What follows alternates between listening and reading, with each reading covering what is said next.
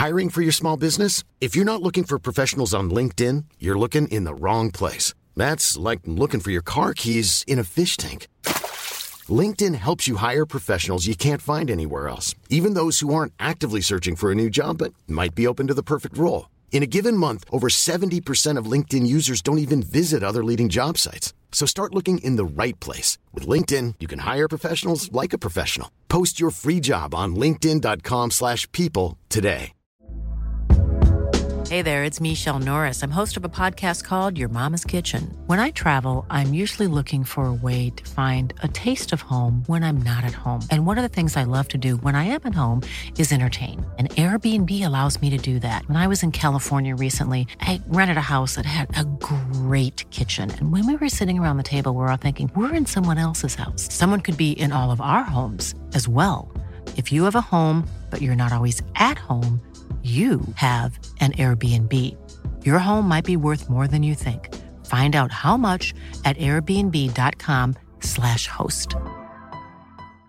Hey, Dave. Yeah, Randy. Since we founded Bombus, we've always said our socks, underwear, and t shirts are super soft. Any new ideas? Maybe sublimely soft. Or disgustingly cozy. Wait, what? I got it. Bombus. Absurdly comfortable essentials for yourself and for those facing homelessness. Because one purchased equals one donated. Wow, did we just write an ad? Yes. Bombas. Big comfort for everyone. Go to bombas.com slash ACAST and use code ACAST for 20% off your first purchase.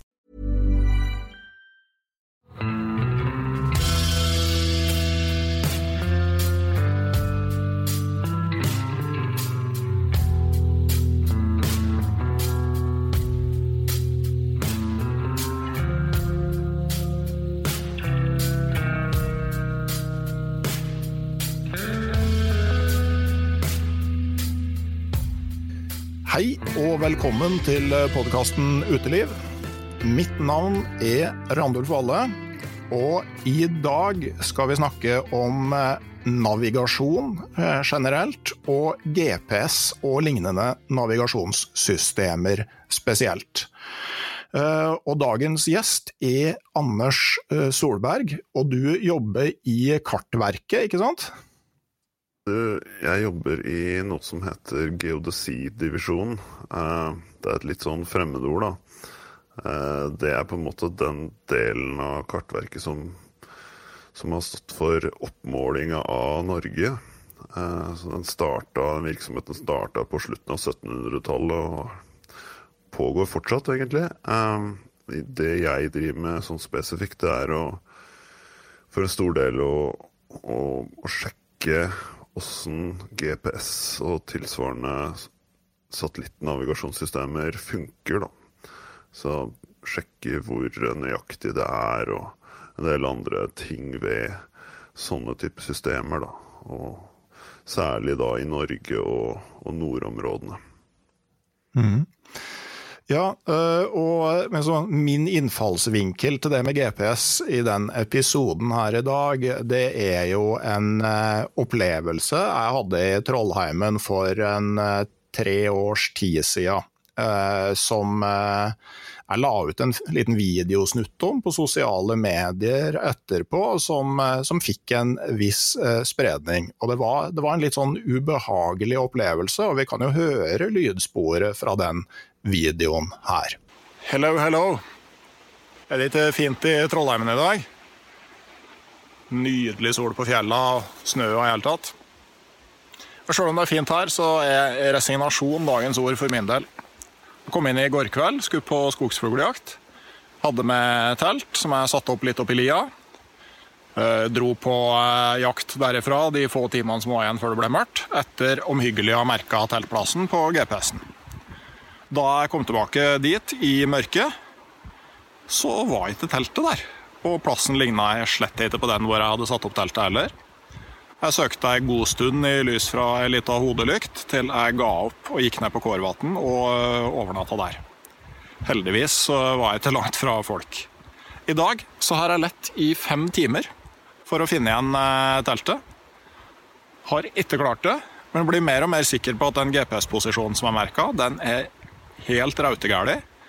Eh, det stemmer ikke med den ruta jeg tok opp i går. Eh, så hva som har skjedd, det skjønner jeg ikke. Det eneste jeg ser, er at eh, det utstyret som ligger i teltet, det kan jeg jo sannsynligvis se langt etter. Og det hadde jo vært veldig fint å ha kamera når forholdene er sånn som det er her. Men det kameraet ligger altså i teltet som jeg per nå ikke vet hvor er. Så sånn kan det også gå. Fortsatt noen få timer igjen med dagslys, men jeg begynner rett og slett å miste trua.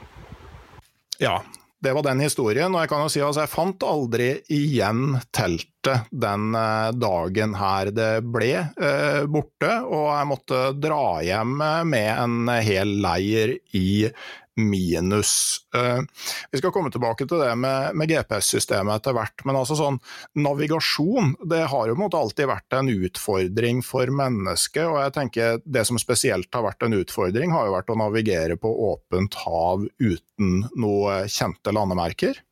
Ja, uh, dette er jo Det som er saken uh, der, da, er jo at uh, man har jo Mennesker har jo vært flinke å finne på mange forskjellige teknikker til å finne ut hvor de er. Eh, bruke stjernehimmelen, bruke sola, månen osv. Eh, og så var det jo sånn at eh, lenge så var det Det gikk an å finne ut hvor langt nord du var, altså finne breddegraden din. Men det var mye vanskeligere å finne lengdegraden, altså hvor langt øst eller vest du var da, hvis du var på havet. Eh, så det det er eh, Ja, det var en, en, stor utfordring, og det var jo noe som I England så utstøtter de jo en pris for dette her på 1700-tallet for å prøve å eh, liksom oppmuntre vitenskapsmenn til å finne en eller annen teknikk da, til å finne hvor, hvor, langt øst og vest man var. da. Det var etter at man hadde hatt noen stygge skipsforlis da, pga. at man hadde ikke visst hvor langt øst og vest man var, da. Mm. Ja, for det var vel to sånn hovedinnfallsvinkler til det der eh, øst-vest-problemet. Altså, det ene var liksom en astronomisk innfallsvinkel, hvor du kunne se på forskjellige himmellegemer i forhold til hverandre. Og det, det andre var jo rett og slett å øh, konstruere ei klokke som kunne gå helt nøyaktig om bord på et skip da, som ikke sto i ro. For at hvis du hvis du vet hvor langt nord og sør du er, og eh, ser når sola står opp, og vet akkurat hvor mye klokka er, så, eh, og du samtidig vet når sola sto opp eh, på observatoriet Greenwich i London, så, så kan du regne deg fram til på en måte hvor langt øst-vest du er. Og det er jo blant annet en tidligere episode her i podkasten, så er jo det prinsippet man bruker når man merker både fisk og fugl at du har lyssensorer som også har nøyaktig klokke i seg, sånn at du kan finne ut uh, hvor du er uh, da.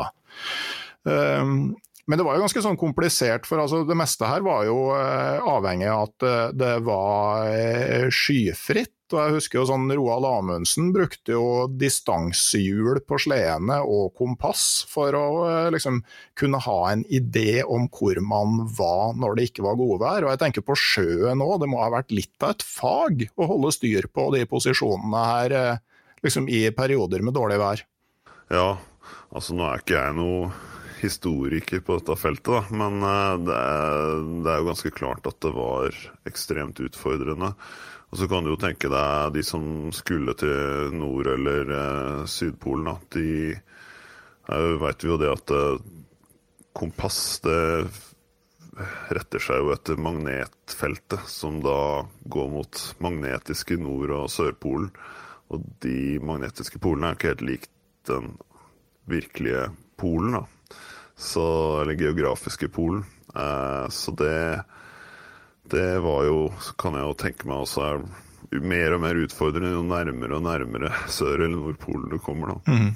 Så, ja. Det er også at det var ganske tidkrevende prosedyrer med å beregne ut fra de målingene du gjorde. og jeg vet at En av de tinga Amundsen var veldig god på, at han, eh, han lagde på sånn skjemaoppsett for å beregne posisjon ut fra avlesningene. Sånn at eh, det var mye raskere for dem å regne det ut enn det var for Scott og teamet hans. hvor var, Navigatøren ble ofte liggende langt utpå natt før han fikk eh, lagt seg, for den brukte så mye tid på å regne posisjoner. Men så, hvis vi nå begynner å nærme oss vår tid, da, så var det jo på 70-tallet så, så, vedtok på en måte USA å, å få en helt ny innfallsvinkel til det her med å bestemme sin posisjon. Ja, eh, man, man, hadde jo hatt fra sånn 60-tallet og litt ut på 70-tallet og for så vidt videre, så hadde man brukt litt et system som man kalte for transit, som var en, en del sånne lavbanesatellitter som uh, sendte noen radiosignaler, og så kunne man på bakken, da, hvis man hadde en egna mottaker, så kunne man, så kunne man observere uh, signaler fra satellittene som passerte. Så måtte man vente en del, og eh, det var ganske tidkrevende. Men da kunne man, eh, kunne man få posisjoner basert på å beregne Doppler-effekten på det signalet. Eh, og det, men det basert på erfaringene fra det systemet, da, så, så, så begynte man å, etter hvert å tenke på et litt annet satellittsystem. Eh, som da ble bestilt eh, i 73, var det vel. startet man et prosjekt da, som endte opp med, med, det som vi kjenner som GPS i dag. Så da begynte man vel å eh, Man hadde vel en ti satellitter oppe kanskje i 85, tenker jeg. Og så, så ble det gradvis flere og flere. Og i 93 eller 94 så var det 24 satellitter oppe, da, som er så mange du trenger for å få en bra, en bra dekning over, over, hele jorda sånn rimelig til enhver tid. Da. Og da var det jo sånn at eh, folk som jobber i, i, i geodesi, i Kartverket, hvor jeg jobber, de begynte jo faktisk å teste med å bruke GPS sånn på 80-tallet. Og da var det svære kasser som var en GPS-mottaker, og en sånn liten telefon eller en liten en liten turmottaker eller en liten klokke som man har i dag. Det var, eh, det var sånne svære kasser som man måtte dra med seg. da. Og så var det jo det at hvis du skulle få noen bra resultater, så hendte det du måtte være ute om natta. fordi at det var jo ikke satellitter nok til at det var dekning hele, hele døgnet. Så da var det gjerne sånn en del ugreie tidspunkter da, man måtte jobbe på. Men det var jo en kjempeutvikling allikevel, fordi før det så hadde de måttet, hvis du skulle måle nøyaktig, så du skulle bestemme posisjoner, som grunnlaget for all, alle kart som vi har, da, eh, så måtte man før det opp på fjelltopper og triangulere, som vi sier, at man målte vinkler eh, fra en fjelltopp til, en annen, til flere andre fjelltopper. da. Og uh, lagde seg et nettverk, eller et, et trekantnettverk, da, hvor man målte vinkler, og så beregner man seg fram. da. Og dette var ganske tungt, og folk var jo ute i felt et halvt år. Og så bodde i telt og greier. Eh, ganske sånn spesielt liv. Altså man, man var ute en stor eh, feltsesong, og så om vinteren så var man inne og regna. Så det er ganske Jeg har ganske stor respekt for disse forgjengerne mine. Så ja. Ja, nei, og jeg vet jo sånn ganske lenge så var det jo en måte tysk oppmåling som lå til grunn for, eh, for eh, kartgrunnlaget, spesielt i sånn litt mer sånn avsidesliggende deler av Norge.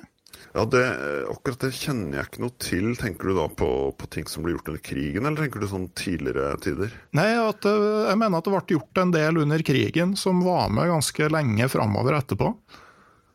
Ja, det, det, kan godt hende. Det, det veit jeg dessverre ikke om. Nei, det får stå på, stå på min regning.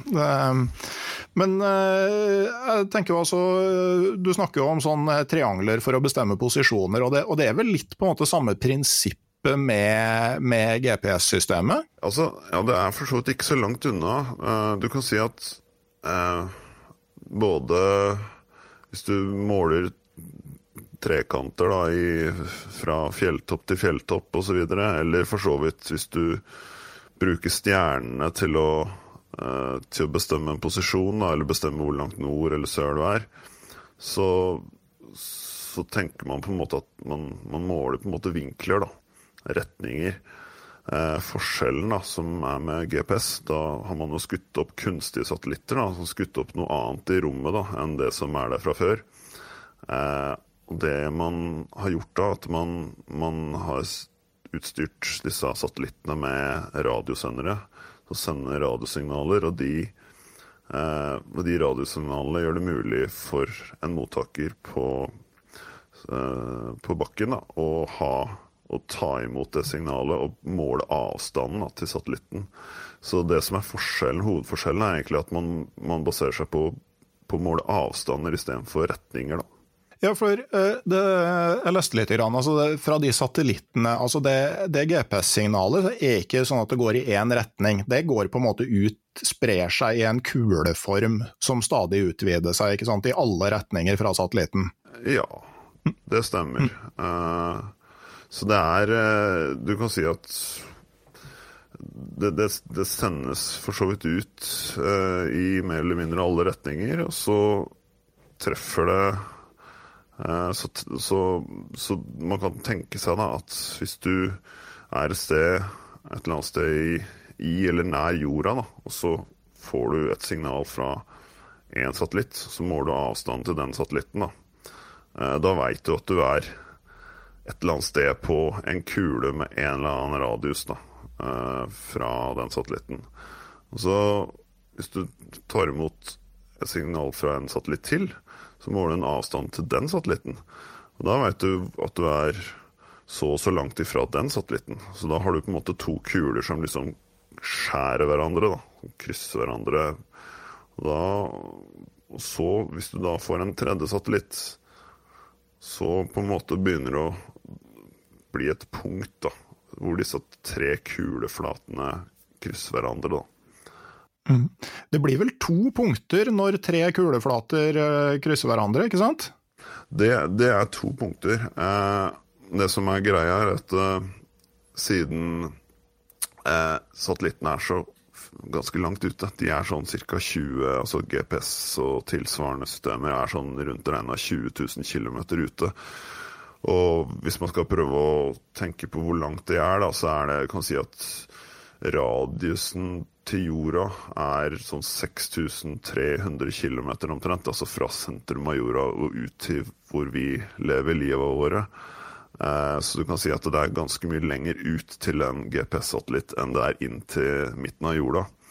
Eh, og siden de satellittene er så langt ute, så, så blir det på en måte Du kan på en måte ganske fort utelukke den, det, det andre stedet langs, hvor de kulene skjærer hverandre, da, for det er så langt ute i rommet. Eh, men så er det en liten annen greie, da. Eh, eh, at eh, når du måler den avstanden da, til satellitten, som GPS-mottakeren gjør, da, så det baserer seg jo på signaler som går med lysets hastighet. Da. Eh, og en eh, Nå er det sånn at da må du ha en god Du må ha en klokke da, i mottakeren din. Enten om det er i en profesjonell mottaker eller en en vanlig en treningsklokke eller er en bil-GPS eller hva det er. Eh, og den klokka den er ikke så nøyaktig at den på en måte klarer å måle den avstanden sånn kjempe, kjempebra. Det betyr at du, du står igjen med en feil som er på en måte i avstand, da, som, som, er direkte knytta til den feilen i den klokka. Og det man gjør, da, det er at man tar og man, siden den feilen er lik, lik, for alle målingene, eller målingene mot alle de satellittene du får inn, så kan du bruke det som en sånn ekstra ukjent, som man sier. da, At man skal vite man vil vite lengdegrad og breddegrad og høyde over havet der man befinner seg. Og så, så ønsker man å eh, Og så må man bli kvitt denne her eh, klokkefeilen. Så da, hvis du har fire satellitter du får inn, da klarer du å beregne alt det der, sånn at du får en eh, en ordentlig posisjon. Ja, for jeg leste at Hvis du da har tre satellitter, så har du to skjæringspunkter. Og så Hvis du da på en måte tar inn den fjerde, så vil ikke den nødvendigvis treffe et av de to skjæringspunktene, men litt grann unna.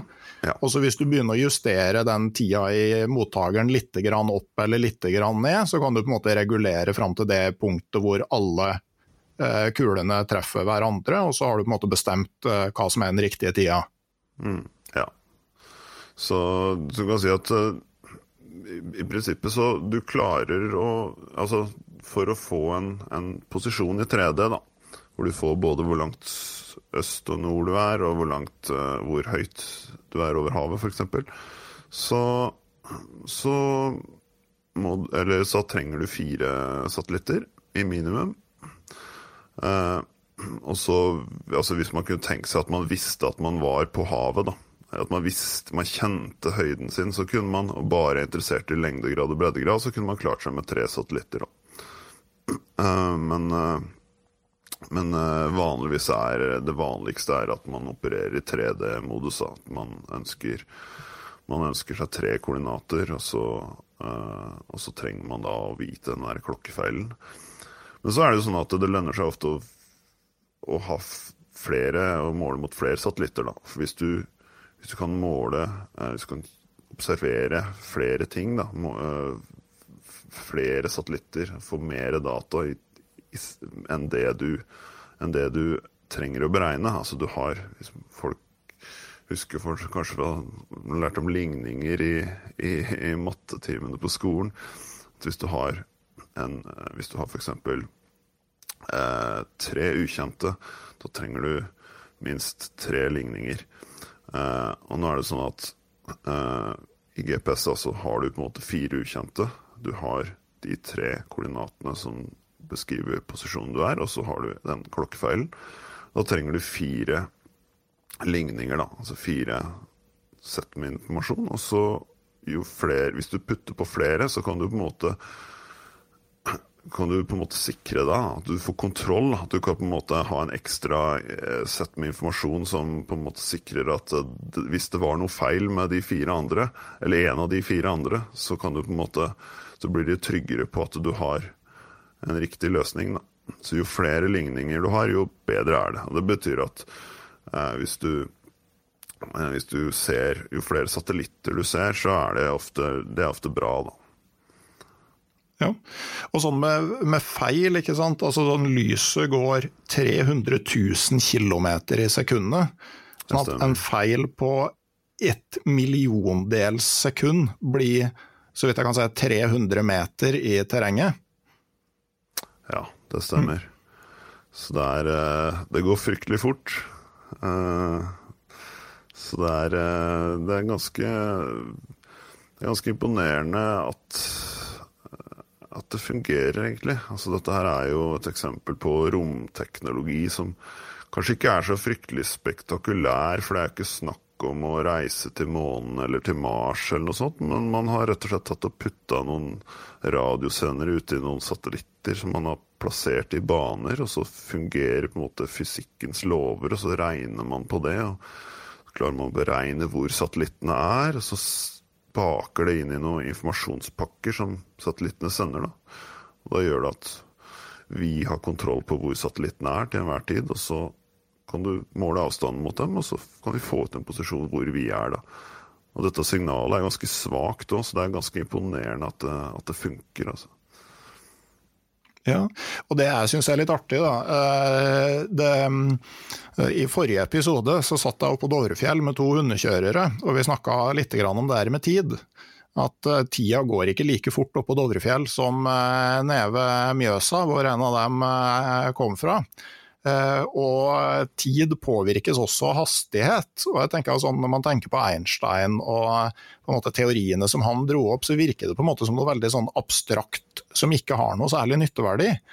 Men uh, i GPS-systemet så er man jo nødt til å ta hensyn til at tida går ikke like fort i en satellitt som suser rundt 20 000 km over oss, som her nede på bakken.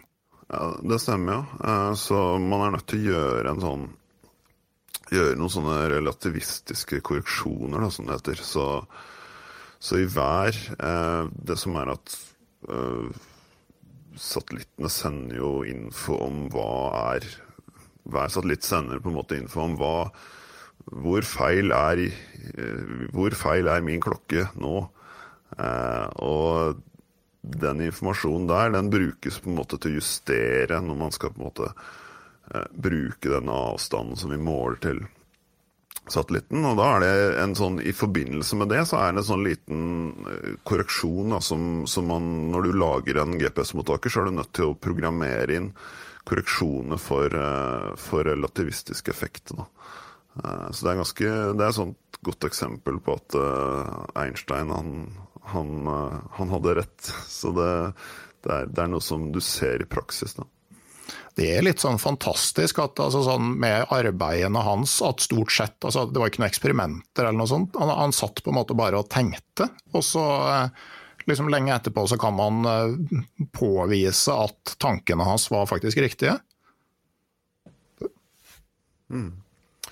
Så det er jo Altså jeg syns jo GPS er jo på en måte et veldig godt eksempel på, eh, på veldig sånn ja, ganske sånn eh, Veldig både nyttig og eh, En veldig sånn nyttig anvendelse av veldig mye forskjellige naturvitenskap som i prinsippet er ganske enkel. Da. At du, du bruker rett og slett litt sånn grunnleggende fysikk og grunnleggende geometri da, fra matematikktimene og til ganske sånn jordnære ting. da. Man kan, man kan bruke, og, at man bruker verdensrommet til å finne ut hvor man er. altså Løse egentlig veldig sånne jordnære problemer. da. Så det syns jeg er veldig fascinerende. Mm. Jeg er enig i eh, den. Men sånn, når det gjelder satellittene, altså sånn, på en måte, hvor lang levetid har en GPS-satellitt? Altså, hva, er, er energiforsyninga? Er, er, det solceller som de forsynes med? Hvor lenge varer de? Ja, altså, nå må jeg innrømme at dette her er ikke Unnskyld. Dette her er ikke noe er ikke jeg noe ekspert på, egentlig. Eh, det jeg konsentrerer meg på, er egentlig liksom hvordan du beregner posisjon da, med GPS. Men sånn Det jeg kan si eller altså, altså Det er solceller man, eh, som forsyner satellittene med, med, med energi. da. Og så er det jo sånn at eh, jeg tror levetida til satellittene var vel kanskje tenkt å være Nå, nå står dette Nå jeg, må jeg ta dette med en klype salt, men kanskje sånn tiårstid, kanskje. Eh, tenkte de i starten. Kanskje ikke så langt engang. Eh, så har det vist til at mange av satellittene hadde vesentlig lengre levetid. da. Så, så det er eh, det har jo vist seg, i hvert fall for GPS sin del, som er det amerikanske systemet, eh, at de har vist seg ganske sånn ganske, Å leve ganske lenge, da. Men det er klart at før eller siden så blir de eh, Må de pensjoneres, da. Så det du får der, at du Du, du får jo en del eh, Det er jo et problem etter hvert som kommer mer og mer. Du får en del sånn romsøppel søppel, da, som du sier, at en del satellitter. Og det er jo nærmere jorda så har du jo en masse satellitter som, som er mye nærmere jorda enn en, en sånne navigasjonssatellitter. Da. Så da er det etter hvert begynner man å liksom se på prosjekter da, for å prøve å ha kontroll med all, alt gammelt skrot da, som fyker rundt i, i rommet. Sånn at du skal unngå kollisjoner og sånne ting, for det kan få en del konsekvenser. Man prøver jo ofte når man må ta ting ut av bruk for godt og, og liksom styre det ned, liksom kontrollert nedover mot atmosfæren, da, sånn at det brenner opp, stort sett. da. Uh, så det er jo det er klart det er uh, Det har vist seg at det er etter hvert en del mye rart som fyker rundt der oppe, som menneskene har sendt opp. Ja, og, og, nå er jo ikke GPS det eneste sånne systemet lenger. Nei. Uh, det er jo det er et ganske sentralt poeng, uh, fordi at uh, Det er jo sånn at GPS er jo, ble jo starta av USA, og det, jo, det blir jo eid av amerikanske forsvarsdepartementet. Det ble jo egentlig utvikla for militære formål. Uh, så man begynte jo faktisk å bruke de første, eller den andre Golfkrigen, da, sånn i 1990-91, mellom ja, Irak-Kuwait-konflikten der. Brukte jo amerikanerne dette her. Og, og så har det etter hvert liksom Etter hvert som systemet blei ferdig, så fikk det mer og mer sivil bruk, da. Og nå var det sånn lenge at uh, det var det, Man hadde putta en sånn kunstig degradering på systemet som gjorde at vanlige sivile brukere fikk kanskje sånn 100 meters feil da, på posisjonen sin. Som gjorde at det hadde litt sånn, litt sånn begrensa verdi for denne bruksområder. Og man, og mens militære mottakere da, hadde liksom slapp denne her degraderinga, som gjør at det, det, ble mye mer nøyaktig da, på noen, noen, noen ganske få meter. Og det, og det, Men det var jo noe som man eh, I Bill Clinton sin eh, regjeringstid så så, så, bestemte man at dette, her skal vi, her skal vi skru av, da, den degraderinga. Og det skrudde man da av i mai i år 2000. Og da blei jo nøyaktigheten for vanlige GPS-brukere mye bedre. Eh, og nå er det sånn at men er det sånn at andre stater da, og, og sammenslutninger har lagd en del andre systemer. og Uh, først var jo egentlig Sovjetunionen, som på mange måter parallelt med USA bygde opp sitt system. Uh, så i Sovjetunionen og etter hvert Russland så har de bygd et system som heter GLONASS, uh, som er et helt sånn tilsvarende system med satellitter. og på omtrent like langt fra jorda, ganske likt. Litt annen måte å og, og, litt andre sånne teknikker når det gjelder signaler og radiosignaler og sånn, men ganske samme prinsipp. Eh, det systemet er jo nå blir brukt av ganske mange eh, sammen med GPS. Så du kan, hvis du har en, en, relativt ny mottaker, så kan du få ta imot signaler fra det systemet også. og så I tillegg så har det da kommet systemer fra EU som heter Galileo. Eh, der har Norge vært med å, eh, vært med å finansiere den utviklinga, og, og, har også Vi har på en måte for eh, norske bedrifter også, har også kontrakter på utviklinga av komponenter til det systemet. Da. Og det begynner å nærme seg operativt. Der er det vel ca.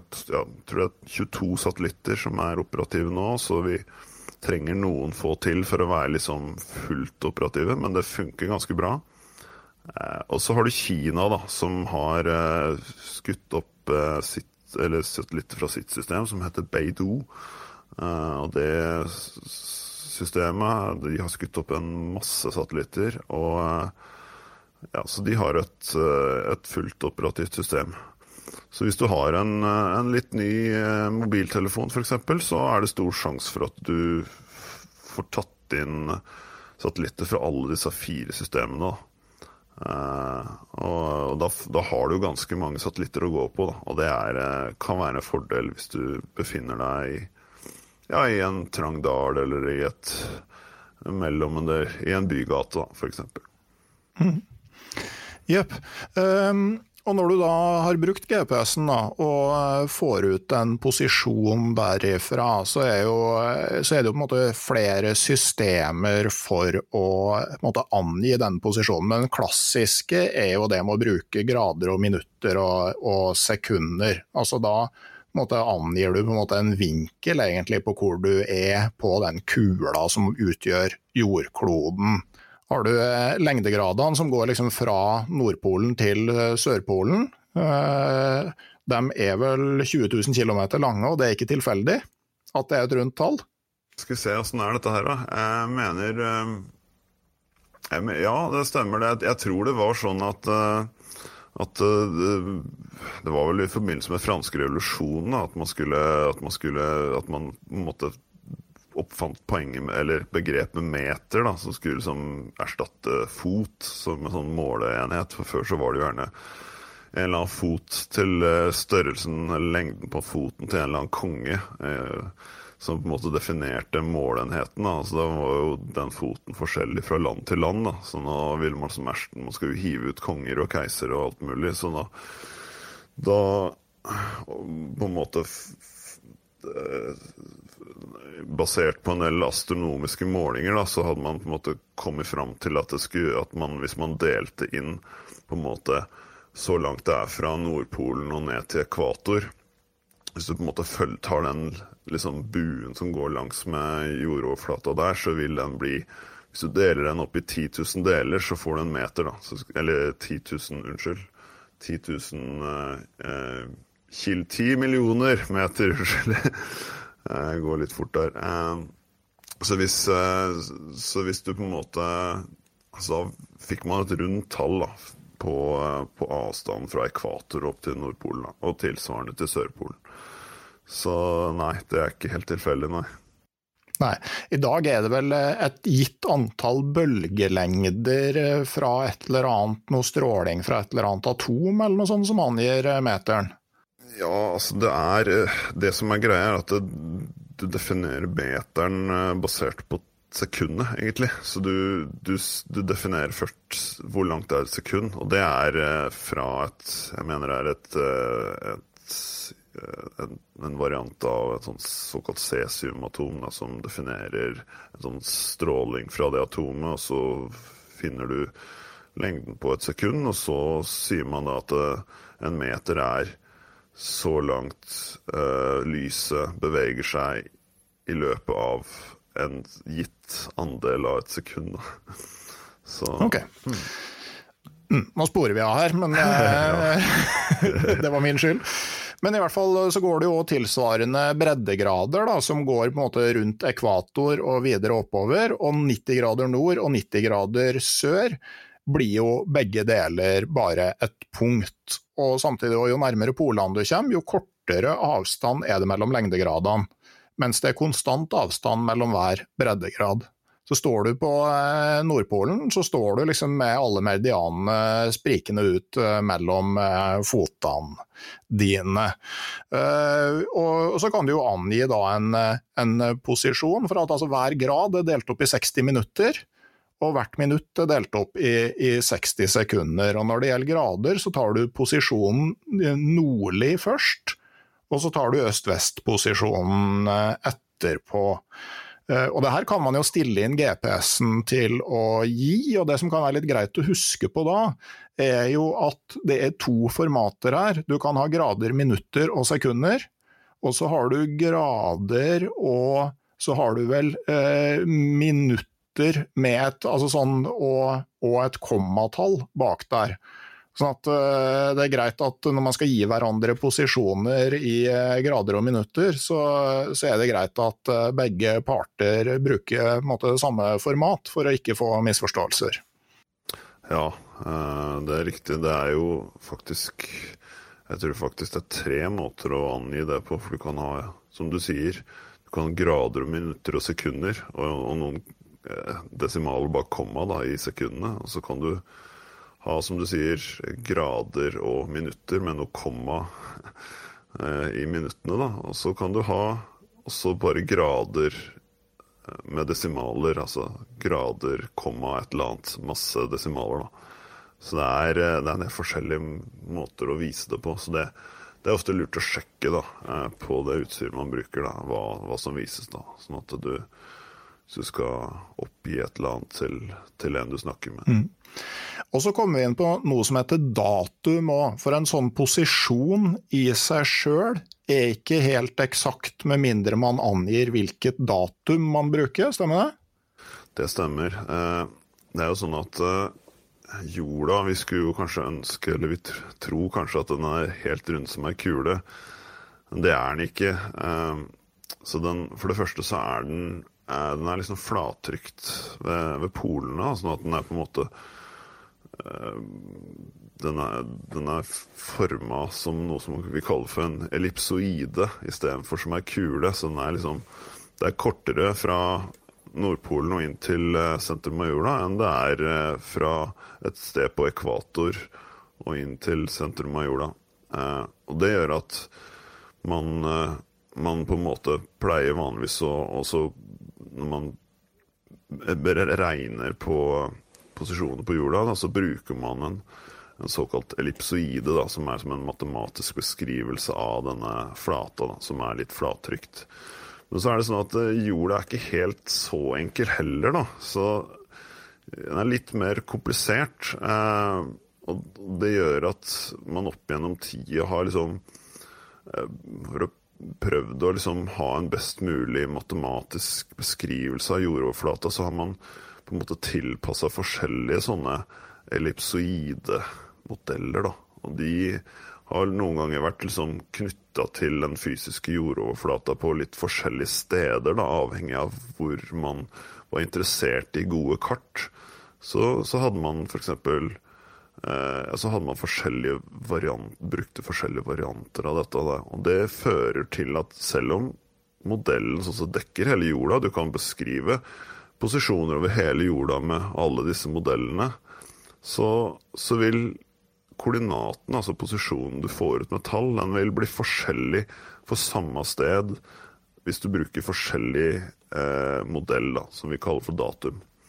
Eh, så det er jo en ting som, som det fortsatt kan brukes litt forskjellige, litt forskjellige modeller. Og det, eh, sånn som det er i dag, så er jo så er jo i liksom GPS-alderen så har man stort sett gått over til å liksom bruke en modell som, som stemmer med eh, som stemmer med liksom best mulig over hele jorda. Altså man har ikke optimalisert den helt til et lokalt område, til Europa eller USA eller hva det nå er, men den, er på en måte, den stemmer ganske bra over hele jorda. Men så er det det at eh, man må på en måte eh, man må på en måte Det er jo det, det at eh, man, man, når man gjør målinger, så, så, vises, så må man ta hensyn til at kontinentene beveger på seg, og det er en del sånne ting som gjør at eh, ganske avanserte beregninger for å finne en sånn modell som, som, som, gjør at alt passer sammen med alt. Da. At hvis du beregner en bane til en satellitt, en satellittsposisjon, så må den på en måte henge sammen med den fysiske jorda. Fordi at banene på satellittene fyker rundt og følger de fysiske lovene, følger Newtons gravitasjonslov og sånn. Men så innafor dette her så driver jorda og snurrer. Ikke sant? Det kjenner vi jo til, det er derfor vi har dag og natt. Eh, men så er det det at den snurrer ikke helt med samme fart. Så den, den liksom, det går litt opp og ned i, i tempo, og, og, i det lange løp så snurrer vi faktisk saktere og saktere. Så det er en del sånne ting som gjør at man må Det kreves en del avansert regning da, for å få, eh, for å få sånn definert et, et koordinatsystem som, som, funker bra over tid. Eh, så, så, det gjør at eh, det er en del ting som på en måte Prinsippene er ganske enkle, men så ender man opp med å måtte korrigere for en masse rart, og så får man forskjellige modeller, da. Så det er ganske viktig å vite at man bruker Altså hvis du har en posisjon på GPS-en, at du veit eh, at den er stilt inn på riktig koordinatsystem. Og vanligvis er det det som heter WGS84. Vi pleier vanlig bare å si VGS84, da som er GPS sitt eget koordinatsystem. Ja, og det er på en måte altså sånn eh, For å måte, ta en uh, litt sånn vitenskapelig uh, innfallsvinkel ned til et brukernivå, så er det jo det at altså, sto, Sånn som på norske kart i dag, så er det VG, VGS84 som er riktig datum. Men spesielt hvis du skal til utlandet, og kanskje hvis du får tak i eldre kart, så er det lurt og, eller viktig at du sjekker hvilket datum som ligger til grunn for de, de kartene. Eh, sånn at du får stilt inn GPS-en din riktig. For det kan jo være feil på liksom sånn 100 meters størrelse eh, mellom de forskjellige datumene. Ja, det, det kan det. Uh, altså, jeg er jo ikke så kjent med hvordan dette funker i så mange land sånn på detaljnivå når det gjelder liksom hva slags kart som du kan laste ned og bruke der. Men, men, eh, men jeg vet i hvert fall at vi hadde noe i Norge som var i bruk fram til 92 eller 93 eller noe sånt, eh, som, som het ED50, som var som et sånt europeisk datum. 1950, da, som på en måte var navnet på det. Og, det, og hvis du på en måte Og det er det kanskje noen som kjenner til, altså de, liksom de gamle de gamle 1 50 000 turkarta, de som gjerne var sånn også bruker sånn i militær militærsammenheng, da, disse karta der, som, som mange sikkert kjenner til, de hadde sånn, et sånn svart eller rutenett med, med svarte tall da, i margen. Og de, og de tallene var jo uh, oppgitt i ED50-koordinater. da. Men så på 90-tallet så bytta man ut, da, så nå fikk man blå tall isteden. Uh, og det er da det som det moderne tallet som, som passer med VGS 84.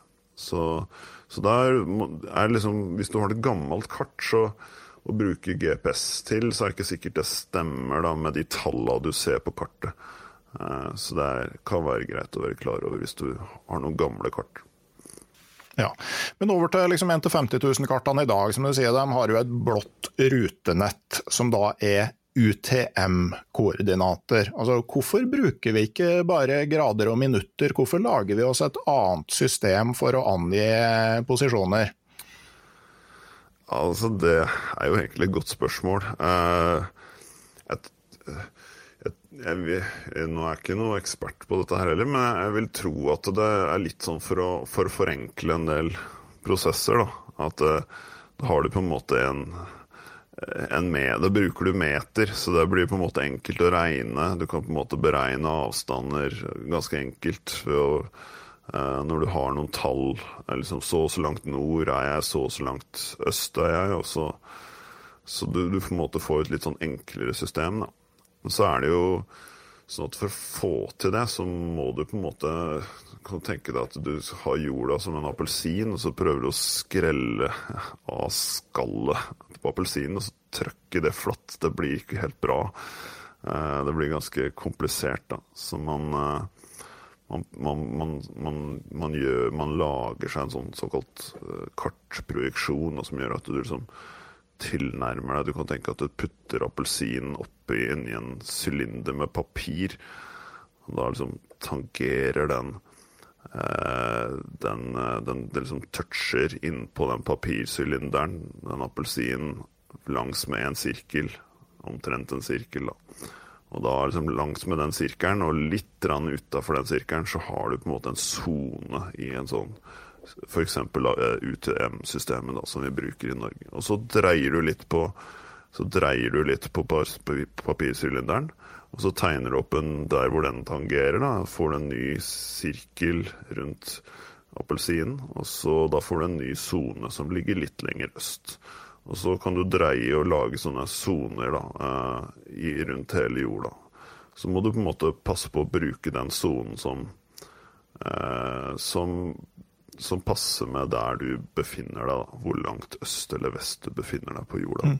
Ja, for Med, med UTM-systemet så får du jo da et rettvinkla rutenett. Sånn at liksom eh, du har ja. Altså i, i et lite område så kan du på en måte eh, liksom tegne om noe som er kromt til noe som er rett, og så i et lite område av gangen, så, ja. så gir det på en måte riktige nok resultater til at uh, det kan brukes. Ja.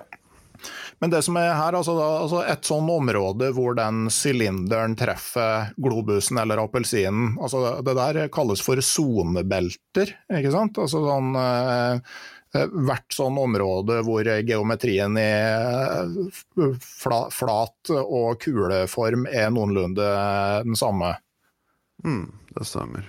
Og det er dem som i Norge, altså i Sør-Norge så, så, dekkes vi jo av sonebeltene 32V til 33V. Og Nord-Norge går fra 32W til 36W. Ja, eh, og da er det sånn at de bokstavene, iallfall Eh, så vidt jeg veit, så, så, har det kun egentlig noe med på en måte hvor langt nord man befinner seg. Så det er eh, det viktigste er egentlig å vite hvilket tall vi snakker om. Altså hvis vi snakker om 32 eller 33 eller 34 osv., så, videre, så følger gjerne disse bokstavene litt med på lasset. da, fordi jeg tror det var Nato muligens som definerte også disse på en måte sonene nordover og sørover også, da. Mens eh, beltene er på en måte eh, kun definert ved disse tallene, da. Fra, I Norge går vel det fra 32 til 35, tror jeg, i, i Finnmark. Så, så, det ganske Så det viser jo at Norge strekker seg ganske langt øst-vest også, da. Så, så, man bruker litt forskjellig Man har litt forskjellig eh, koordinatsystem da, som man bruker på kart i Sør-Norge og i Finnmark f.eks. Ja, men det som jo er viktig, er at hvis du sitter med GPS-en din, eh, og hvis du bor eh, la oss si eh, ute på Stadlandet, og så skal du på tur i Pasvik, øst i Finnmark, og så driver du og legger inn veipunkter på GPS-en, da må du huske på å endre sonebeltet. For da, hvis du ikke endrer det, men bare legger inn koordinatene, så får du eh, noe som ikke altså, Da havner du ikke i Pasvik, da havner du vel ute i eh, havet et eller annet sted, sannsynligvis. Du kan i hvert fall få ganske, ganske store feil, ja. Så, det, så det, er, det er lurt å tenke på. Absolutt. Og så er det jo sånn at uh, Når du bruker UTM-systemet, så oppgir du først posisjonen din i øst-vest-retning, og så posisjonen i nord-sør-retning. Uh, det du ser på kartene, er jo stort sett at nede i venstre hjørne i hvert fall, så vil du ha en sånn helt korrekt eh, UTM-angivelse av posisjonen, og så går de med stigende tall mot høyre og mot venstre. Og Det var jo en lytter som spurte på en måte hva man anbefaler å bruke av grader og minutter og UTM. og jeg tenker sånn På norske kart i Norge så er, jo, så er det jo enklest å bruke UTM-systemet, fordi at det er tegna opp ruter og at det er på en måte lineært. Vi, altså du, du, får eh, to koordinater som står måte vinkelrett på hverandre, og det, eh, og det, det er enkelt å, å bruke, og det blir jo riktig. Ja, det er, det, det er, som du sier, det er enkelt å bruke. Uh, så lenge du da veit hvilken sone du er, da, uh, så, så, så, er nok det uh, en, en, veldig grei måte å, å oppgi posisjonen din på. Det er, gjelder da som sagt å bare passe på at du, at du veit hvilken sone du er i. da. Mm. Så på det tidspunktet her så har jeg satt opp en sånn sjekkliste nummer én da, eh, for GPS-bruk. og Da er punkt nummer én pass på at GPS-en er innstilt på riktig datum. Normalt vil det være VGS84. Og to, angir du posisjonen i grader, så kommer nord-sør først og øst-vest etterpå. Skal du utveksle posisjon i grader, så sjekk at man bruker samme format, eksempelvis grader, minutter og sekunder. For UTM, nummer fire, for UTM så sjekk at sonebeltet blir riktig. GPS-en tar ofte utgangspunkt i sonebeltet du befinner deg i når du skal legge inn punkt. Uh, og så husk at uh, du angir koordinater i UTM, så er det øst-vest først og nord-sør til slutt. Så det kan være sånn uh, greit startsted. men så er det jo ikke alltid da at GPS-en gir et helt riktig eh, punkt. Altså, det var jo det jeg opplevde. Jeg hadde lagt inn et veipunkt, og jeg kom tilbake dit, så var det absolutt ingen teltleir der. Eh, hva er det som kan påvirke nøyaktigheten og presisjonen til eh, GPS-en? Altså, det er jo, er jo, egentlig ganske mange ting. Eh, jeg tenker de viktigste eh, dreier seg ofte om eh, atmosfæriske forhold. Og så dreier det seg om eh, forhold eh, nær Eller hvordan forholdet er på bakken der du befinner deg. Eh, det fins også mulige feil med satellittene og med på en måte dataene om hvor satellittene er, men de er ofte ganske små. Eh, som oftest ganske små. Så det vi kan snakke litt om, da, det er, det er noe som kalles for jonosfæren, da, som er som en sånn øvre delen av atmosfæren. Den er, ligger vel sånn eh, ja, fra 50 til eh, 400 eller 500 km utafor jorda, da. Så den er et stykke utafor. Til sammenligning er på en måte den delen som vi lever og puster i, den er liksom bare de snaue 20 km opp fra oss. At det er noe særlig å puste i. Så øh, Men oppe i ionosfæren da, så pågår det en del rart, for der er det en del sånne elektrisk ladde partikler som gjør at øh, og det, det er av ting som kommer til oss gjennom verdensrommet, fra, fra, i stor grad fra sola. Da. Eh, så der skjer det en del forskjellig. Og, og det er sånn at radiosignaler blir jo eh, blir, kan jo bli forstyrra av hvis det er mye som skjer i, den, i det laget av atmosfæren da, som vi kaller for jonosfæren. Eh, og nå er det sånn at eh, forsinkelse i det laget altså Hvis du på en måte tenker deg at eh, feilen du på en måte gjør på en avstandsmåling til en GPS-satellitt, da, kan jo være fra noen få meter opp til kanskje 50 meter da, i det av ionosfæren. Og så kan man ved hjelp av matematiske modeller som er bakt inn i GPS-mottakeren, eller kommer data fra GPS-systemet faktisk, som fjerner kanskje 50% av denne forsinkelsen eh, på signalet. Og eh, så finnes det andre måter å, å, å, fikse dette på, men ofte så problemet er ofte hvis det, hvis det skjer mye der, da, sånn at det forsinkelsen i ionosfæren endrer seg fort. Da, eh, da kan disse matematiske modellene bli litt sånn utilstrekkelige, så da kan du få større feil da, på posisjonen din. Men ofte så vil de feilene være eh, ja, noen titalls meter, kan vi snakke om da. Uh, og, men i verste fall, hvis det er skikkelig mye uh, rusk i, i ionosfæren, så pga. mye solaktivitet, så kan du faktisk miste signalet ditt. da. Fordi det skjer så mye uh, variasjoner. altså det, signalet påvirkes rett og slett så mye at du rett og slett klarer ikke å trekke det. da. Så i verste fall så mister du helt signalet fra en del satellitter, og da kanskje mister posisjonen. Eh, men da, hvis du mister posisjon, så veit du i hvert fall at du ikke veit noen ting. Det som er litt verre, er at hvis du får informasjon som er feil, og så tror du at det er riktig, så tror du veit hvor du er, og så var du ikke der. Eh, men som jeg var inne på, så er det ikke så ofte at den, disse feilene blir mange hundre meter, da, som vel var tilfellet med teltet ditt. Nei, det, det, det, var, det, var, en betydelig, rundt en halv kilometer eh, feil. Eh, trodde jeg allerede den dagen da jeg gikk og lette etter det. Jeg ble jo ganske fort overbevist, for jeg huska jo hvor jeg hadde gått opp. Jeg hadde gått opp langs en bekk, på venstresida av en bekk. og Posisjonen som eh, ble angitt for teltet, lå på høyresida av den bekken, inni et ganske sånn forferdelig terreng som jeg var sikker på jeg ikke hadde vært i.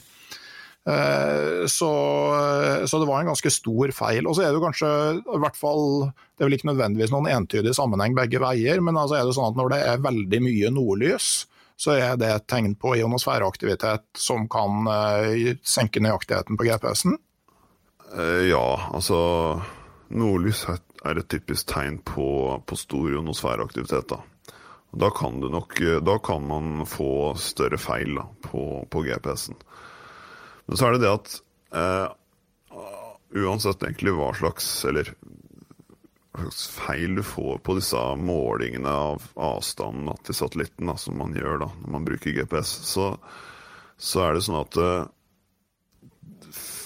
konsekvensen av de feilene, eller liksom mulige konsekvenser av de feilene, blir liksom større du, hvis du ser få satellitter, eller hvis de satellittene er, har liksom er litt sånn samla på, på, himmelen, da. Fra der du står og, og ser. Så, eller ikke ser, men du, du, mottakeren ser dem, da, på en måte, i gåseøynene. Eh, så hvis du befinner deg i en trang dal, f.eks., hvor du har litt sånn du, du, du, har dårlig på en måte eh, utsyn til deler av himmelhvelvingen, så, så, betyr det at du gjerne ser færre satellitter. Og du, som gjør at du, som vi var inne på tidligere, får litt dårligere, gjerne litt dårlig sikkerhet for, eh, for posisjonen din, da, for du får færre målinger. Og det andre er at du kan få eh, Du kan få eh, dårligere Altså det vi kaller for satellittgeometri, da. At eh, satellitten er, er dårlig spredd utover himmelhvelvingen. Og det Jo bedre spredt de er utover, jo bedre er det. Eh, så det er klart at i trange daler, eller i eh, i eh, det vi kaller for urban canyons, altså mellom i bygater med mye høye hus, så, så, kan du få en del sånne, så er det en del utfordringer da, ved å bruke GPS. Og Derfor så er det ofte lurt å ha flere satellittsystemer. da. Mm. Ja, og Det samme er vel i tett skog, at du kan få dårlig utsyn der òg? Det, det, kan man. Uh, jeg tror ofte at problemet er mindre der. Uh, det kan nok skje en del andre ting med med at satellittsignaler blir påvirka, at det skal gjennom bladverk og, og, og, granbar og mye sånn. Hvis du driver med sånn eh, profesjonell bruk av GPS eh, inn i tettskog, er funker ikke så bra. For mer sånn turbruk så Nå har ikke jeg noe sånn Nå har vel du mye mer erfaring med det enn meg, eh, men eh, som ofte så funker det tilfredsstillende, tror jeg. Uh, ja. ja. jeg husker nå på New Zealand, i veldig tett skog der, at vi faktisk hadde problemer med å få signaler i det ja. hele tatt innimellom. Ja. Vi hadde en sånn dag hvor vi rota oss inn i altså Der går du jo stort sett enten på stier som er hogd ut i skogen, eller oppå fjelltoppene, eller i elveløpene. De plassene det er framkommelig. Vi hadde en sånn dag med vi brukte fire timer på 1,2 km, og da hadde vi tidvis store problemer med å finne ut hvor vi var. Ja da, det, det kan nok stemme det. Det er, eh, det er nok litt avhengig av åssen skogen er, da, eh, vil jeg tro. Og så er det jo eh, sånn at det er klart at hvis, hvis, du på en måte hvis du, hvis du ser litt få Hvis du, mottakeren ser litt få satellitter, og de er litt dårlig spredt utover himmelen, og, og, så har du noen feil i tillegg, så, måte, så får det gjerne større konsekvenser. Da. Eh, så da kan du, kan du få en, en feil som Ja, det kan i verste fall kanskje komme opp i noen hundre meter, men det, det er liksom Jeg var ganske overraska over det over, du, over den historien du, eh, du fortalte. Uh, og jeg kan jo på en måte ikke gi noe fasitsvar på hva det var som egentlig skjedde der, da. Nei, men det, men det som eh, det, jeg bare tenker det, det, som er viktig å vite om den GPS-mottakeren min, er jo at den er ganske mange år gammel. og jeg sjekka, altså Den tar kun sitt satellitter fra GPS-systemet. sånn at uh, den kan jo ha hatt uh, Eh, litt, eh, litt, få satellitter å jobbe med. Men jeg tenker før vi konkluderer, da, altså noe som man jo har hørt en god del om, og som har vært en del på nyheter og sånn, er jo det med på en måte jamming eller altså sånn forstyrrende signaler. Eh, det, kan du si noe om det? Ja, det er jo sånn at GPS-satellittene, eller signalene fra GPS-satellittene, er, er, jo veldig svake. Eh, og det gjør at eh, det er ganske lett å forstyrre dem da, ved å ha en eller annen liten radiosender som, som på en måte sender ut et, et likt signal som GPS. Så kan du klare å på en måte å viske ut mottaket av GPS-signalet i Litt avhengig av hvor sterk radiosender du har, så noen virker kanskje i noen hundre meters radius, andre kan virke i flere kilometers radius. Eh, så, så, hvis du på en måte har sånne jammere, da, sånne radiosendere som sender sånne ødeleggende radiosignaler, så kan du på en måte blokkere ut mottak av GPS og tilsvarende systemer. Da. Eh, så det er, det er kanskje, en, kanskje, den største svakheten til satellittnavigasjonssystemer er, er nettopp det. Da, at signalene er ganske svake, og det er relativt lett å å, å, å jamme ut. Eh, det er sånn at eh, å ha sånn jammeutstyr og, og, og, bruke det, det er forbudt i, i, veldig mange land, så, inkludert i Norge. Så det er noe man ikke skal drive med. Men det var noe som, som har blitt brukt i en del sammenhenger i noen som f.eks. du har hatt eh, steder Jeg veit ikke akkurat hvilke land dette var snakk om, men at du har hatt eh, transportfirmaer da, eh, hvor, eh, hvor eh, liksom eierne av firmaet har på en måte utstyrt, utstyrt trailerne, lastebilene sine, med med GPS-enheter for å liksom, spore hvor er, hvor er hver enkelt lastebil. og så er det de som jobber med dette, føler seg jo overvåka av det, så skaffer de seg en sånn liten jammer da, for å, for å liksom blokkere eh, sin egen posisjonsangivelse. Da. Eh, men så har du hatt eksempler på at det var eh, Det var vel en flyplass i USA, tror jeg, hvor eh, det var noen eh, hvor det var noen en eller annen trailer, tror jeg, som hadde kjørt forbi der. og og blokkert ut mottak av GPS-signaler fra stor del av flyplassen, så det var et kjempeproblem. Da klarte de å finne ut av det, da. Men det er jo det er, det er ting som, som, skjer, da. Eh, men ofte så funker jo sånne jammere bare en sånn viss avstand ifra der den er, da. Men det er jo Man har jo sett utfordringer med mer sånn profesjonell bruk av det. Og det, det blir jo det blir forska ganske mye på dette her. Eh, også på en måte hvordan man skal prøve å unngå det mest mulig, og hva man skal gjøre hvis, hvis dette skjer. da. Ja, jeg hørte jo blant annet, altså sånn med styrken på signalet. Jeg var på Jan Mayen og lagde en Jeg var ikke der for å lage podkast, men jeg lagde nå en episode når jeg først var der. Og Tidligere så sto det jo et sånn lignende eh, navigasjonssystem der Loran C, det var noen store antenner som sto og sendte ut signaler eh, Uh, ja, forskjellige plasser uh, rundt Atlanteren, bl.a. Og jeg har hørt at altså, GPS-signalet har en styrke på omtrent 5 watt. Ja, altså, dette her er ikke mitt område, akkurat det der, så det kan jeg ikke bekrefte. Men, men jeg, det, den infoen jeg sitter på, at vi er liksom i størrelsesorden gammeldags lyspære. Ja, mens så, Loran, ja. Loran C-systemet, den masta som sto på Jan Mine, Eh, altså Forskjellen blir såpass stor at om det er 5 eller 50 på GPS er ikke så interessant. Det ble fortalt der at Loran C sendte på 250 000 watt. ja. Og, og ubåtene kunne bestemme sin posisjon under vann når de hengte ut ei antenne bak seg. Uh, det jeg for så vidt òg hørt, har hørt at, uh, at det var, har vært firmaer som store norske firmaer som har på inngangsdøra si brukt GPS-signalet til å vite klokka. Og så skulle jo døra stå oppe om dagen og gå automatisk i lås om natta. Så ved da rette et falskt GPS-signal med feil klokke mot den døra, så kunne du åpne den og gå rett inn. Hmm. Ja.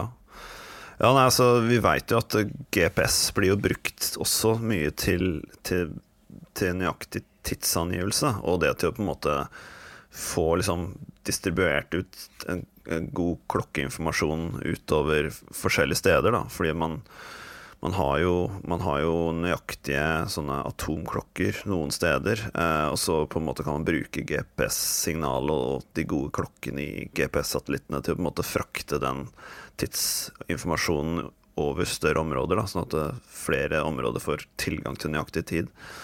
Så, men altså, sårbarheten til GPS er noe som, som det blir jobba ganske mye på nå etter hvert, fordi veldig store deler av samfunnet har blitt avhengig av GPS og sånne systemer. da. Mm. Men vi kan vel i utgangspunktet konkludere med at det var ingen som satt oppi, eh, oppi Trollheimen og jamma GPS-en min eh, den eh, seine høstkvelden her. Det er ikke så veldig sannsynlig. Nei, det, det tviler jeg ganske sterkt på. Hadde den jamma deg, så hadde du ikke fått noe posisjon, så det er jo helt klart. Du fikk en posisjon. Det andre som jeg kan nevne kort, er det som kalles for spoofing, eller narring. Da, hvordan man sender et, et, signal som er rett og slett falskt. Da, hvor, hvor, du på en måte klarer å du, du, får mottakeren til å tro at her kommer det et, et, signal fra en satellitt som befinner seg der og der og der, og så klarer den å ødelegge posisjonen din, sånn at du får en posisjon, men den er kjempefeil. Eh, men det krever en del avansert utstyr, så det jeg eh, tror ikke det var det som skjedde med deg i Trollheim. Nei, men det du beit deg merke i første gang jeg fortalte om det her, er at altså når jeg kom opp og satte opp teltet, så var det jo bare et par timer igjen med dagslys, og jeg var klar for å komme meg på jakt. sånn at uh, da teltet var satt opp, så slo jeg på GPS-en, Og så fort jeg fikk en posisjon, så lager jeg et veipunkt. Jeg ser alltid da at det står at det veipunktet er null meter unna, sånn at jeg er sikker på veipunktet er på samme sted som jeg er. Og så lagra veipunktet, slo av GPS-en og dro. Og der kan det ligge en feilkilde.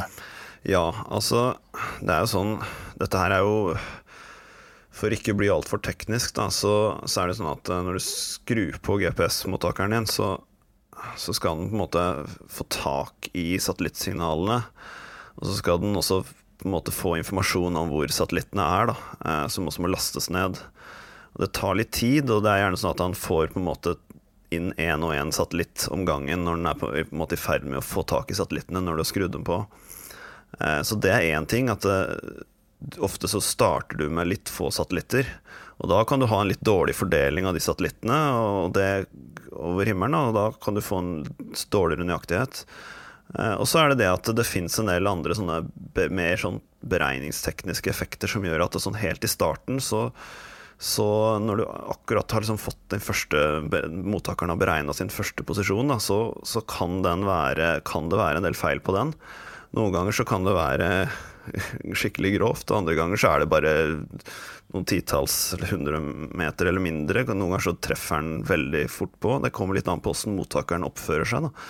Det, men det er en ganske viktig poeng, tror jeg, da, at uh, hvis du skal ut og, og lagre et veipunkt, da, så, så, vil nok jeg anbefale at man uh, at man skrur på GPS-en i, i, litt god tid, uh, sånn at man på en måte ikke lagrer veipunkt med en gang den, har, den viser en posisjon. At man lar den få litt tid å godgjøre seg på. Gjerne et par minutter.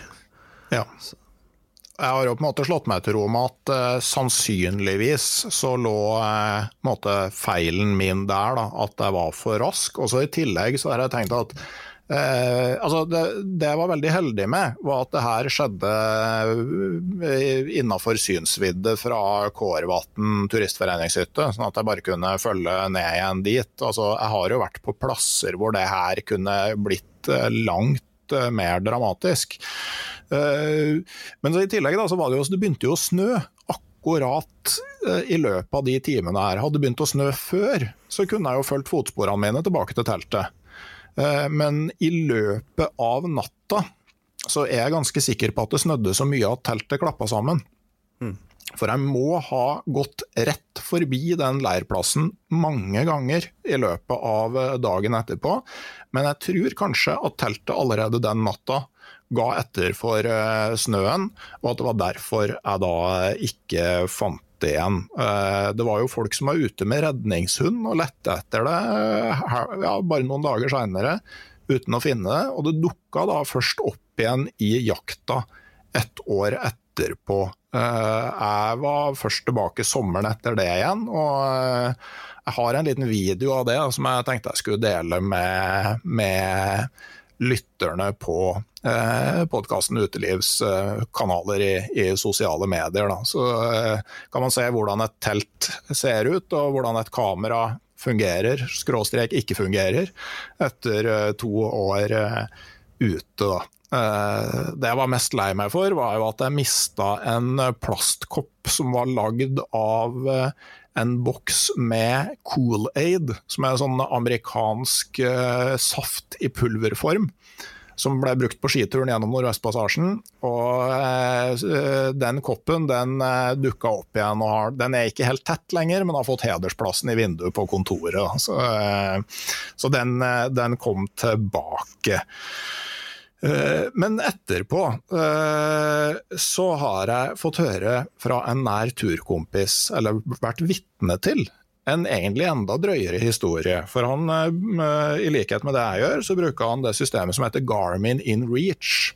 Som er en sånn slags Du kan Det ser ut som en GPS, men du kan sende enkle meldinger som da går via Iridium satellittelefonsatellittene og sender posisjonen din, og enten en forhåndsdefinert melding eller en melding du skriver om, om hvordan du har det. Da. Og det var her i sommer at øh, Kompisen der han jobber turnus på Jan Mayen og skulle snart tilbake dit. og Nå i covid-tider så er det jo viktig å holde seg smittefri. Så jeg blei fryktelig overraska da det plutselig kom en sånn in reach-melding fra han på Kanariøyene. Og det var det flere av de som sto på lista som blei, så da han fikk dekning på telefonen, så hadde han jo en haug med ubesvarte meldinger på hva i all verden han tenkte på og dreiv med. Og han var jo like forundra sjøl, for han var jo på tur på Finnmarksvidda. Så han hadde sendt ei melding fra Finnmarksvidda som anga at posisjonen hans var litt øst for nordkysten av Afrika. Har du noen idé om hva som kan ha hendt der? Uh, det korte svaret er vel egentlig nei. uh, det her er jo Dette er jo så grove feil at det på en måte kan jo ikke forklares med noen sånne vanlige Kan ikke forklares med noen vanlige sånne feilkilder for satellittnavigasjon. Her tror jeg vi snakker om mer sånne ting som skjer i Ting som er satt opp da i, i den enheten. Eh, denne InReach-enheten. Og hvordan dette fungerer, det, det har jeg egentlig ikke noe anelse om. Det, jeg kan si så vidt litt om, er at når du på en måte skal måle avstand til en satellitt, så på en måte Hvis du bruker det klassiske liksom, klassiske, enkle sivile GPS-signalet, eh, så er det en litt sånn forutsetning at du veit litt om hvor du befinner deg, sånn veldig grovt, for at det skal funke. Eh, men eh, at den skal på en måte At det skal få noen sånne effekter som at du er i Norge, og så viser den at du er på Kanarøyene, det er det er noe som jeg egentlig ikke har noen god forklaring på, altså. Uh, mm. Så det, det, tror jeg egentlig man må ta med leverandøren av utstyret. For å undersøke det. Ja. men eh, han hadde òg vært ganske rask med å sende den meldinga etter ja. han fikk kontakt. Og jeg vet òg jeg har òg snakka med folk som har hatt sånn kompaktkamera med GPS-mottaker i, som tagger bildene med posisjon, og som har opplevd at hvis de har flytta seg veldig mye eh, siden sist, så kan de første bildene ikke bare være tagga med forrige posisjon, men med helt spinnville posisjoner. Annet ja. eh, en som hadde noen bilder som var da tydelig fra rett nord for Novaya Semlia, altså opp mot Nordpolen, eh, hvor vedkommende aldri hadde vært. Ja. Ja, det, og det er nok uh, Unnskyld. Noe litt sånn uh, som jeg var litt inne på. At når man er Altså, det som skjer akkurat i starten, da, når, når en mottaker begynner å, å, å, få tak i signalet, så, så, er det en del ting som, som, den må på en måte avklare før den på en måte har skikkelige avstandsmålinger. Og så er det det at det, men så er det også det at når den skal spytte ut posisjoner til, til brukeren, så, så så, er, så, kan det ofte skje at de første posisjonene du får, kan være rett og slett ganske feil. Så, så, igjen så, så, vil jeg kanskje si at det lønner seg å liksom, skru, på, eh, skru på mottakeren eh, et par minutter før du skal lagre noe informasjon der som er viktig, da, eh, om den posisjonen du befinner deg på. Og så kan det være greit å sjekke hvis du har muligheten til det, hvis du har en mottaker som har muligheten til det, som ser litt hvor mange satellitter er det du får inn. Da. At det er gjerne noen flere enn akkurat de fire minimum som du må ha da, for å få en posisjon. Mm. Du har òg nevnt uh, tidligere noe som heter DOP-verdi, eller om det er dopverdi, det vet jeg ja. ikke. Vi pleier å si DOP. Nei, ja, det er, det er, noe som på engelsk kalles for, kalles for uh, dilution og precision. Det høres veldig flott ut. Uh, det betyr egentlig noe det som jeg var litt inne på, at det er egentlig bare tall som viser hvor, hvor godt er satellittene spredt utover himmelhvelvingen. og det og, og litt også, så er det også avhengig av hvor mange satellitter du, du får inn. Så, så jo, jo jo bedre spredning du har på satellittene rundt på himmelen, og, og eh, jo flere satellitter du får inn, jo, jo lavere blir disse DOP-verdiene. Så det, Jeg er ikke så godt kjent med men det fins kanskje noen mottakere som, som, viser sånne verdier. Og hvis du har sjanse til å sjekke dem, eller å se, å se dem, da, så, så, er det lønner det seg å sjekke at de er, at de er ganske lave. Da. Så da er det da finnes det flere varianter av sånne doppverdier. Det er noe som heter H-dopp, noe som heter V-dopp, noe som heter P-dopp. Jeg tror kanskje det vanligste er P-dopp. Uh, uh, men uansett, da. Så hvis, hvis uh, ja, Noen viser kanskje H-dopp, noen viser P-dopp. hvis de verdiene er Hvis PDOP-verdien er lavere enn fire, så er det veldig bra, vil jeg si. Hvis, eller bra, i hvert fall. De, de, jo, de kan jo være så lave som under to. Og noen andre ganger så går de litt oppover mot fire-fem, og da begynner det liksom å bli litt mer ut, større potensielt utsikkert. da. Når det er over seks, så, så, begynner det liksom å bli litt sånn svakt. Så da, da, vil jeg være litt skeptisk til posisjonen. Da. Så lurt å sjekke at de er eh, under fire, vil jeg si. Ja. Hvis, hvis, hvis, det er muligheten til å sjekke det. Det er jo noen mm. mottakere som også gir ut et bare tall på hvor nøyaktig posisjonen er. At den gir ut et anslag. da. At den sier at nå er jeg tre meter feil Altså sier et eller annet sånn error eller et eller annet sånt engelsk ord. da. Uh, og det er viktig å huske på at det er bare et estimat, da, altså et, et anslag ut ifra de beregningene den har gjort. Fordi den har flere satellitter enn det den trengte for å beregne posisjon. Så da klarer den å estimere hvor nøyaktig han var. Det, da, men da kan du få en indikasjon der også, som, som sier noe om det. Så det kan være lurt å sjekke, men det er ikke noe fasit. Det er bare et anslag. Ja, Men i hvert fall vent eh, i hvert fall et par minutter fra du har eh, slått på GPS-en, eh, altså, eller egentlig fra han har fått kontakt med satellitter, da, så kan du godt vente et par minutter før du lagrer veipunkter. Ja, det, det kan være lurt. Om man trenger så mye som to minutter, det er jeg jo ikke sikker på, men, men, men det er iallfall lurt å vente litt. Så, så ett til to minutter kan nok være lurt. Eh, og og, og, gjerne da, som en, liksom, som en konsekvens av det, da, så er det lurt å skru på GPS-en en stund før da, man på en måte har ankommet et sted hvor man ønsker å lagre en posisjon, f.eks. en leir eller, eller, et eller annet annet. Uh, så, men så gjelder det jo alltid å huske på batterikapasiteten. Da. Det er jo alltid en litt sånn uh, en ting som man må huske på med, med GPS, da, at det, det sluker litt batteri. Ja, og så En siste ting eh, som man jo kan merke seg, er jo det at, eh, at du ikke baserer deg utelukkende på GPS for navigasjon. altså Bruk det sammen med med klassisk navigasjon. altså Prøv å vite hvor du er, bruk kart og kompass. Uh, ha oversikt over ting. Men altså, sånn for, for, min del, altså, sånn når du slår opp et telt i skog, så, uh, så, er det ikke alltid så lett å finne tilbake til eksakt samme sted, sjøl om du vet at det er da mellom 100 og 150 meter fra en gitt bekk. Så kan et sånn eksakt punkt som et telt da, tydeligvis være ganske vanskelig å finne eh, iblant. Så, så, den klassiske navigasjonen, den, eh, den, eh, er grei å ha med seg fortsatt. Da tror jeg vi begynner å nærme oss å ha kommet gjennom ganske mye her.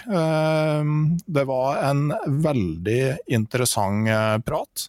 Uh, og uh, jeg tenker at uh, jeg skal legge ut et par sånne småsaker som jeg har skrevet om det her med, med bl.a. det med datum og med, med UTM-koordinater i forhold til grader og minutter. Det legger jeg ut på Patrion-sida til podkasten Uteliv. Det er veldig gledelig å se at så mange har registrert seg som Patrions.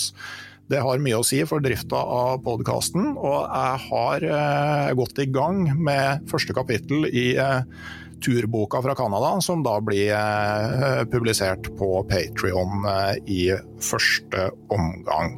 Eh, hvis du vil se videoen av hvordan teltet mitt så ut da jeg fant det igjen i Trollheimen, så kommer den på eh, på Facebook og Instagram, eller i hvert fall på Facebook-sida til til podkasten Uteliv som det er greit å uh, følge. Uh, tusen takk til deg, Anders, for at du var med. Jo, bare hyggelig. Det var veldig, veldig interessant å, å, få være med, så takk for det. Mm. Ja, og så er vi litt nærmere svaret på mysteriet om uh, hvordan teltet kunne bli borte. Og da har du fått litt sånn inputs til hva som kunne være årsakene, og så kan man jo da gruble videre på det fram eh, til neste fredag, for da eh, kommer det etter planen en ny episode av podkasten Uteliv. Ha det bra!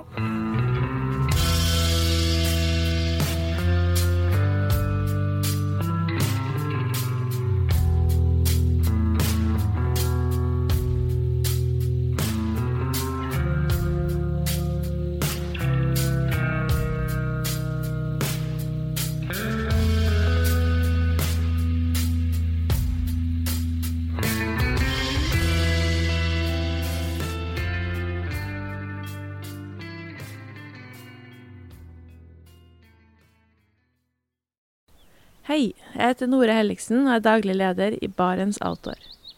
Det beste vi kan gjøre for planeten, er å redusere forbruket vårt og få mer ut av det utstyret vi allerede har. Men vi vet av erfaring at bruken av telt kan endre seg over tid. Det teltet du kjøpte for to år siden, passer kanskje ikke det behovet du har i dag.